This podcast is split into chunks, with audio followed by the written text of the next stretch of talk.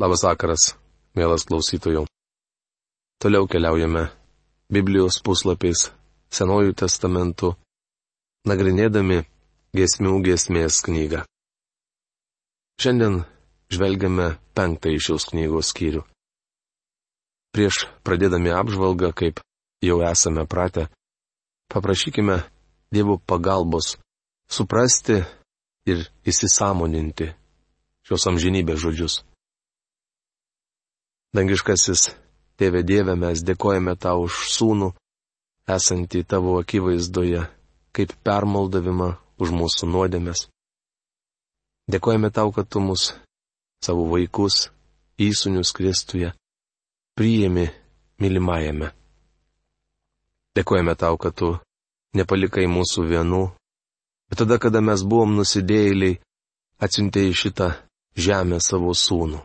Tu pirmas ištiesiai pagalbos ranką mums. Ir šiandien mes galime mėgautis tą bendrystę su tavimi prie tavo kojų. Ačiū tau už žodį, kurį tu mums palikai ir išsaugojai.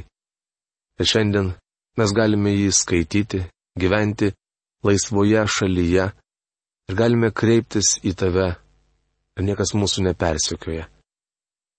Padėk mums viešpatie išnaudoti tinkamai laiką ir atverk mums tą nuo laikų buvusi slėpinį, padėdamas suprasti, taip kaip mes turėtume pasikeisti savo mąstymę, kad paukotume save kaip gyvą, šventą, tau patinkančią auką, kaip dvasinį tavęs garbinimą.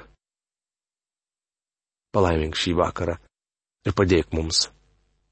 Jėzaus vardu. Amen. Gesmių gesmės knygos penktas skyrius. Šiame skyriuje nuotaka regis neapsisprendžia, ar jiems reikėtų skirti laiko tarpusavio bendrystėj, ar eiti ir vykdyti savo pareigas. Svarbu ir viena ir kita. Mums reikia sėdėti prie Jėzaus kojų, bet taip pat turime sekti jo pėdomis, ieškodami paklydusių avių. Privalome eiti į pasaulį ir sėti Dievo žodį. Atėjau į savo sodą, seserie sužadėtinę, prisirenku mirus ir kvepalų, valgau korį su medumi, geriu vyną su pienu. Valgykite, bičiuliai, gerkite, svaikite iš meilės. Gesmių gesmės knygos penktos kiriaus pirmą eilutę. Jaunikis kviečia nuotaką bendrauti. Mūsų viešpats sako, štai aš stoviu prie durų ir beldžiuosi. Jei kas išgirs mano balsą ir atvers duris, aš pasiužėsiu ir vakarieniausiu su juo, o jis su manimi. Tai parašyta apreiškimo knygos trečios kiriaus dvidešimtoje eilutėje. Mums reikia tokios bendrystės. Apie ją paštalas Jonas sakė. Ir tai mes rašome, kad mūsų džiaugsmas būtų tobulas. Pirmas Jono laiškas, pirmas skyrius, ketvirta eilutė. Viešpats nori, kad mes bendrautume su juo ir gerai leistume laiką. Ar jūs, kaip krikščionis, patenkinta savo gyvenimu? Gauname nuostabių atsiliepimų apie mūsų radio programas. Mums rašantys žmonės iš ligoninių ir sanatorijų pasakoja apie savo lygas ir negalės. Jie taip pat rašo apie nuostabę bendrystę su viešpačiu Jėzumi. Skaitydamas vienos brangios ponios laišką net apsiešarojau. Įrašė, vakare, kai sesutė mane apkamšo, aš dar kokią valandą ar dvi guliu, negalėdama užmėgti. Visą tą laiką melžiuosi už jūs. Atsikeliu maždaug pusę penkių ryto ir vėl už jūs melžiuosi. Toliau laiškė jį pasakoja apie savo nuostabius santykius su viešpačiu Jėzumi. Tai gražu. Budrus miegas. Čia prasideda Ketvirtoji giesmė. Šios giesmės primena liaudies dainas. Dabar prabyla nuotaka. Aš miegojau, bet mano širdis būdėjo. Klausyk, mano mylimasis beldžiasi. Įleisk mane, mano seserie, mano meilė, mano balandė, mano tobuloji. Juk mano galva permirkusi nuo rasos, o garbanos nuo nakties miglos. Gesmių gesmės knygos penktos kiriaus antra eilutė. Nuotaka sako, kad jos širdis būdėjo. Laukdama savo mylimojo, ji būdi. Klausyk, mano mylimasis beldžiasi. Jis darbavosi laukia tamsų vakarą, nuotakai užmėgus. Šiandien bažnyčiai reikia išgirsti šią žinę. Ja turi išgirsti kiekvienas tikintysis. Lipkime iš lovos ir rimkimės darbo. Jei viešpats suteikia jums sveikatos, triuskite jo labui. Buvau jau nusirengusi. Kaip apsirengti man iš naujo? Buvau jau kojas nusiplovusi. Kaip man jas vėl purvinti? Gesmių, gesmės knygos penktos kiriaus trečia eilutė. Nuotaka įma svarstyti. Į jau lovoje. Prieš eidama miegoti ji nusiplovė kojas, tad dabar nenori vėl lipti iš lovos ir jų purvinti. Mano mylimasis įkišo ranką pro velkės skylę ir aš suvirpėjau, kad jis arti. Gesmių gesmės knygos penktos kiriaus ketvirta eilutė. Jaunikio artumas sužadina nuotakos jausmus. Atsikėliau atidaryti savo mylimajam, lašant nuo rankų mirai, varvant nuo pirštų geriausiai mirai, ant velkės rankenos. Gesmių gesmės knygos penktos skyrius penktą eilutę. Čia kalbama apie gražų anų laikų paprotį. Vyras, norėdamas išreikšti savo meilę merginai, ateidavo prie jos namų ir, užuot palikęs vizitinę kortelę, palikdavo kvapų aromatą. Durų konstrukcija leisdavo įkišti ranką pro plyšį ir atitraukti sklendę jei duris nebūdavo užrakintos. Šiuo atveju jos buvo užrakintos. Nuotakai neprabudus, jaunikis užpylė ant vidinės durų rankenos miros, kad mylimoji žinotų, jog jis buvo atėjęs. Kai pagaliau nuotaka atsikėlė atidaryti, įpalėtė durų rankeną ir jos pirštai pakvipo mira. Jaunikis paliko saldų savo artumo kvapą. Nuotaka simbolizuoja šiandieninę bažnyčią. Ji nenueina toli nuo namų. Šiandien retas tikintysis nueina toliau nei siekia bažnyčiaus varpinės šešėlis, o daugelis iš viso nekelia kojos laukan. Todėl krikščionių bendrystė su viešpačiu Jėzumi nutrūksta. Iš tikrųjų tai viena iš lapučių, nugriaužiančių vynogės. Kai nevykdome Dievo valios, mes prarandame bendrystę su viešpačiu.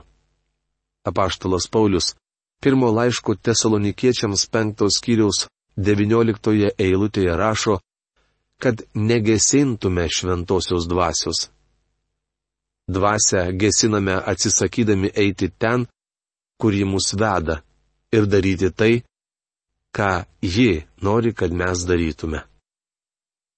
Manau, jei atsikeltume iš savo lovų, išeitume laukan ir imtume darbuotis Dievo labui, rastume ant savo mėgamojo durų rankenos malonų jo artumo aromatą.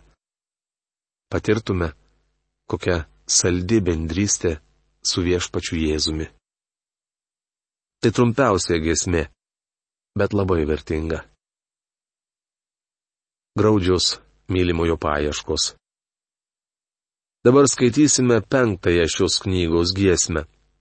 Joje kalbama, kad karalius Saliamonas parsivežė nuolankėje šulamėtę iš kalvotos Efraimo vietovės į Jeruzalėje esančius rūmus. Šioje giesmėje aprašoma, kokį gilų įspūdį mergaitė paliko rūmai, sostas ir karaliaus pokilių stalas. Savo giesmėje nuotaka šlovina ir liaupsina karalių. Tačiau, kai jaunikis atėjo pakviesti jos drauge eiti, ieškoti paklydusių avių, nuotaka nepanorėjo lipti iš lovos. Galiausiai jie atsikėlė atidaryti, tačiau jos mylimasis jau buvo dingęs. Nuotaka šaukė savo mylimai, o po to išėjo jo ieškoti. Atidariau savo mylimajam, bet jis buvo nusisukęs ir nuėjęs. Apmiriau, kad jis nuėjo. Ieškojau, bet negalėjau rasti. Šaukiau, bet jis neatsišaukė. Gesmių gesmės knygos penktos skyrius šešta eilutė. Matote, bendrystė nutrūko. Aš asmeniškai manau, kad daugelis krikščionių, gyvendami nuodėmėje, liūdina dvasę arba nepaklusdami viešpačių ją gesina. Tai nutraukia bendrystę su Jėzumi Kristumi. Mes neprarandame išgelbėjimo ir šventosios dvasios, bet prarandame išganimo džiaugsmą. Ji vis dar gyvena tikinčiajame. Įmanoma nuliūdinti šventąją dvasę, bet ne taip, kad ji paliktų tikrus tikinčiuosius.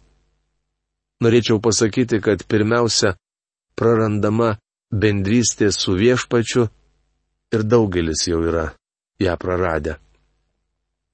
Neseniai vienas vyras man sakė, jūs kalbate, kad Kristus realus jūsų gyvenime. Aš to pasakyti negaliu. Žmogus aiškiai įsidavė, jog slopina Dievo dvasę. Jis nevykdė Dievo valios. Aš gerai pažįstu tą vyrą ir manau, jog jo bėda ta, kad jis darė, ką norėjo, nors žinojo, kad Dievas nori iš jo ko kito.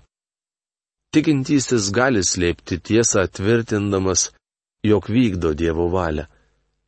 Tačiau jei jo gyvenime nėra viešpaties džiaugsmo, akivaizdu, kad jis daro tai, kas jam patinka. Matome, kad nuotakos bendrystė su jaunikiu nutrūko jei nesidarbuojate viešpaties labui, neprarandate išgelbėjimo. Tačiau jūsų gyvenime stinga artimos bendrystės su Jėzumi Kristumi. Ir žinoma, tikrumo, ar esate išgelbėtas, todėl aš jūs kviečiu kuo greičiau sugrįžti prie tų santykių. Užtiko mane panaktiniai apeidami miestą. Jie sumušė, sužeidė mane, atėmė mano skraistę ties sienų panaktiniai. Gesmių gesmės penktos kiriaus septinta eilutė. Ar matote, kokie mes būname silpni ir bejėgiai, kai bandome liūdyti pasauliui savo jėgomis? Mes galime daryti tai labai entuziastingai, tačiau entuzijazmas nepakeis bendrystės su viešpačiu Jėzumi.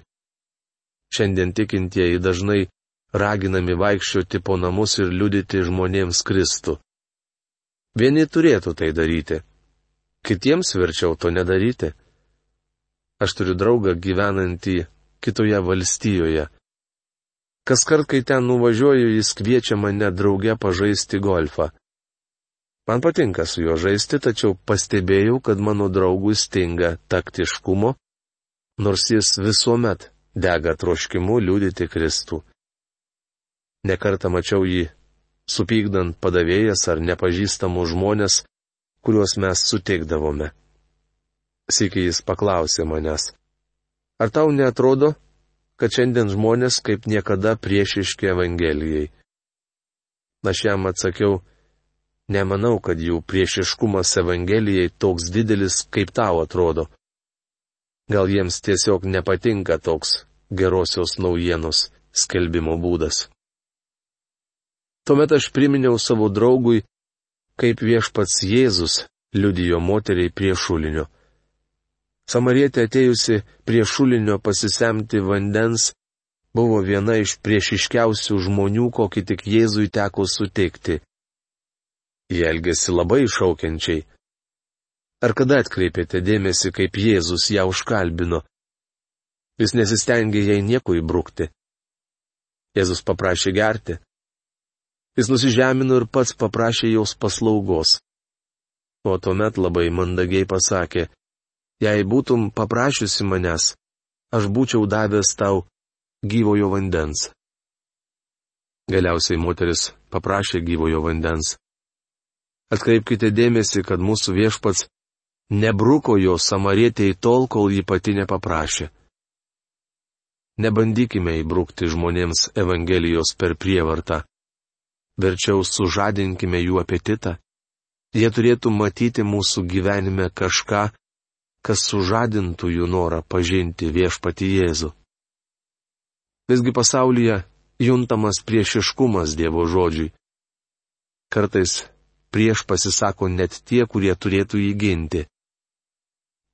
Užtiko mane panaktiniai, apeidami miestą. Jie sumušė, sužeidė mane. Mergaitė išgyvena sunku laikotarpį. Ja skriaudžia net tie, kurie turėtų ginti. Panašiai elgesi ir krikščionis. Neretai bažnyčios taryba atsigrėžia prieš pastorių, nes jos skelbiama žinia neduoda jiems ramiai gyventi. Dažnai Evangelijos priešininkais tampa tie, kurie turėtų būti jos šalininkai. Matome, kad mergaitė iš Šulamo sutinka Jeruzalės dukteris. Toliau giesmė atliekama antifona, tai yra nuotaka gėda solo, o Jeruzalės dukteris jai atsako. Tai labai panašu į operą. Nuotaka sako, prisaigdinu jūs, Jeruzalės dukterys, jeigu sutiksite mano mylimąjį, pasakykite jam, kad aš sergu iš meilės. Gesmių gesmės knygos penktos kiriaus aštunta eilutė. Jei jį sutiksite, pasakykite, kad aš jo labai ilgiuosi perduokite, kad aš jį labai myliu ir kad jo ieškau. Nuodako širdis pasiligojusi. Ji visa savo esybę ilgisi jaunikio. Mergaitė nebejaučia sodo aromato, jai nieko nebereiškia nei mira, nei smilkalai, nei gėlių grožis. Toliau skaitome Jeruzalės dukterų atsakymą. Kuo tavo mylimasis skiriasi iš kitų, o gražiausiai iš moterų. Kuo tavo mylimasis skiriasi iš kitų, kad tu mus taip prisaigdini? Gesmių gesmės knygos penktos kiriaus devinta eilutė. Jų atsakymas skamba gana skeptiškai. Iš esmės jos sako, kodėl manai, kad tas, kurį tai brangini, tau reiškia daugiau negu mums kas nors kitas? Kuo tavo mylimasis skiriasi iš kitų? Kas tas Jėzus? Kodėl manai, kad jis kažkoks išskirtinis? Juk yra buvę ir kitų žymių religinių vadovų. Kodėl tavo manimu Jėzus pranašesnis už visus juos? Iš kur žinai, kad jis tas, kuo sakėsi esas? Jėzus buvo tik žmogus. Su tokiu skepticizmu susidurėme šiandien. Diskusijos apie Jėzų netyla. Apie jį žmonėse sklando daugiau prieštaringų nuomonių nei apie bet kokį kitą kada nors žemėje gyvenusį asmenį. Jėzus Kristus yra prieštaringiausiai vertinama asmenybė visoje pasaulio istorijoje. Leiskite jūsų paklausti. Jei kas nors šiandien mėgintų įrodyti jums, jog Julijus Cezaris buvo tikras niekšas, ar susijaudinę pultumėte įginti? O jeigu kas nors bandytų įrodyti, kad Julijus Cezaris buvo šventasis, ar kiptumėte tam žmogui į atlapus, mėgindamas tai paneigti? Man asmeniškai būtų vienodai. Aš leisčiau žmonėms manyti apie Julijų Cezarį, ką jie nori. Nepulčiau dėl jo ginčytis.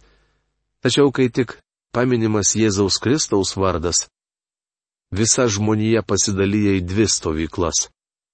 Įdomu, kad Dievas verčia mus dėl jo sunaus apsispręsti. Jis neleido pilotui likti bešališkam. Pilotas mėgino išvengti bet kokios atsakomybės. Net paprašė atnešti jam dubenį su vandeniu ir visų akivaizdoje nusiplovė rankas, sakydamas, aš nekaltas dėl šio teisėjo kraujo. Taip rašoma Mato Evangelijos 27 skyriaus 24 eilutėje. Tačiau jis labai klydo. Seniausiame bažnyčios tikėjimo išpažinime, kurį daugybė žmonių cituoja jau beveik du tūkstančius metų, yra žodžiai. Nukryžiuotas Poncijaus piloto. Poncijau pilotai, tu nenusiploviai rankų, bet pasirinkai. Dievas privertė tave pasirinkti. Pilotas galvojo, kad jis teisėjas, o Jėzus kalinys. Judėjos valdytojas nesuvokė, jog pats yra kalinys, o Kristus jo teisėjas. Rinktis priverstas ir kiekvienas šio laikinės visuomenės pilietis. Kuo tavo mylimasis skiriasi iš kitų? Religijos antologijose išvardyti didieji religijų vadovai vadinami jų įkūrėjais. Moze, Jėzus, Muhamedas, Gandis, Buda ir visi kiti. Anot ankstyvosios bažnyčios tėvo Tertuliano, anu meto krikščionis būtų verčiau mirę, nei leidę lyginti Jėzų su pagoniškomis Romos imperijos dievybėmis. Jie net atsisakydavo prieš Cezario atvaizdą paberti žipsnelis milkalų. Ankstyvosios bažnyčios tikintieji nedarydavo to, nes jų mylimasis buvo kitoks. Jis buvo Dievas. Mielas klausytojau, kiekvienas žemėje gyvenantis žmogus turi padaryti tą pasirinkimą. Ir padaro.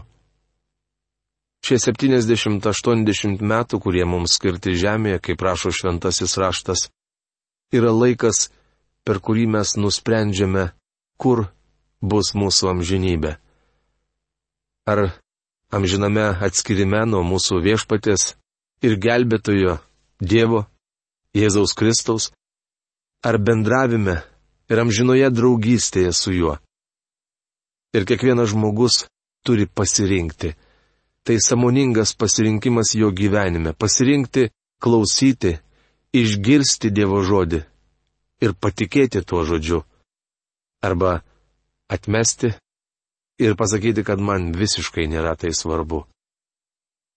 Mielos klausytojau, yra tik tai du keliai. Nėra jokios kitos neutralios padėties. Ir jeigu jūs nepriemėte Kristaus kaip savo asmeninio gelbėtojo, jūs neturite vilties ir negyvenate jame, todėl turbūt ir nepažįstate jo Nes niekada ir neskaitėte gal šventojo rašto, jeigu ir skaitėte, tai nelabai ką te galite suprasti. Tam, kad suprasti, reikia gimti iš naujo. Reikia, kad Dievo dvasia atgimdytų mus, tai yra, kad Kristus atleidęs nuodėmės apsigyventų mūsų vidinėme žmoguje, padėdamas mums suprasti jo žodį, kuris mums apreikštas, ir padėdamas mums pamatyti save, kokie mes esame pražuvę mano linkėjimas ir malda už jūs, kad padarytumėte tą apsisprendimą. Neutralios padėties negali būti. Ir jeigu jūs galvojate, kad aš palauksiu, arba visiškai nereaguojate į tą žodį, tikėdamiesi, kad kas nors įvyks jūsų gyvenime, tai žinokite, kad nereaguodami ir elgdamiesi lengvabūdiškai jūs tuo pačiu darote pasirinkimą. Bet, mėlyjeji, Dievas parūpino mums savo brangų sūnų Jėzų, kuris tobulai atliko amžinai atpirkimą. Jeigu jūs ateisite šiandien pas jį, šiandien, dabar, savo namuose, savo kambariuose, nuoširdžiai paprašydami jo, jisai išgelbės jūs. Ir jūs tapsite dangaus piliečiai. Šiais palinkėjimais noriu užbaigti šios dienos laidą. Iki greito 四点。